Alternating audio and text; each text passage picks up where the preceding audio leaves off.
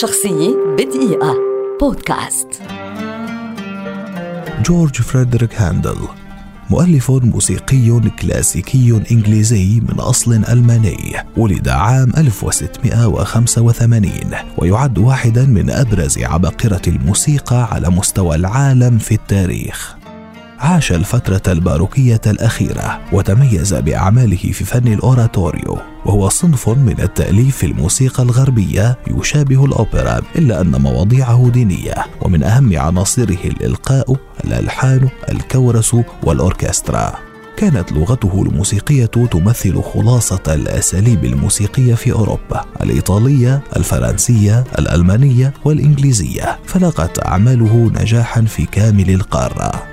بعد أن نشأ في ظل أمير هانوفر أثناء فترة حياته الأولى انتقل إلى لندن بدعوة من الملكة ليقدم إحدى العروض الأوبرالية. فنالت أعماله هناك نجاحا منقطع النظير ليقرر الاستقرار في لندن وأصبح الإنجليز يعدونه واحدا من أكبر مؤلفيهم الموسيقيين. فمنح الجنسية البريطانية عام 1726 كان هاندل بدينا كسولا ناهما مقوس الساقين وكان دائما ما يشاهد متسكعا في الشارع يكلم نفسه بالألمانية وكان الناس يعتبرونه مجنونا إلى حد ما. لا بل اعتبر المراقبون في العصر الحديث أن لديه اكتئابا هوسيا.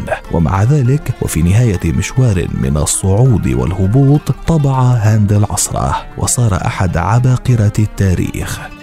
ألف هاندل العديد من القطع الموسيقية مثل الكونشيرتو والمتتالية وتعد متتابعتا الموسيقى المائية وموسيقى الألعاب النارية الملكية من أشهر الأمثلة على مقطوعات المتتالية التي ألفها. كما ألف قطعا أوبرالية وأخرى للأوراتوريو واهتم فيها بدور الفرقة الكورالية.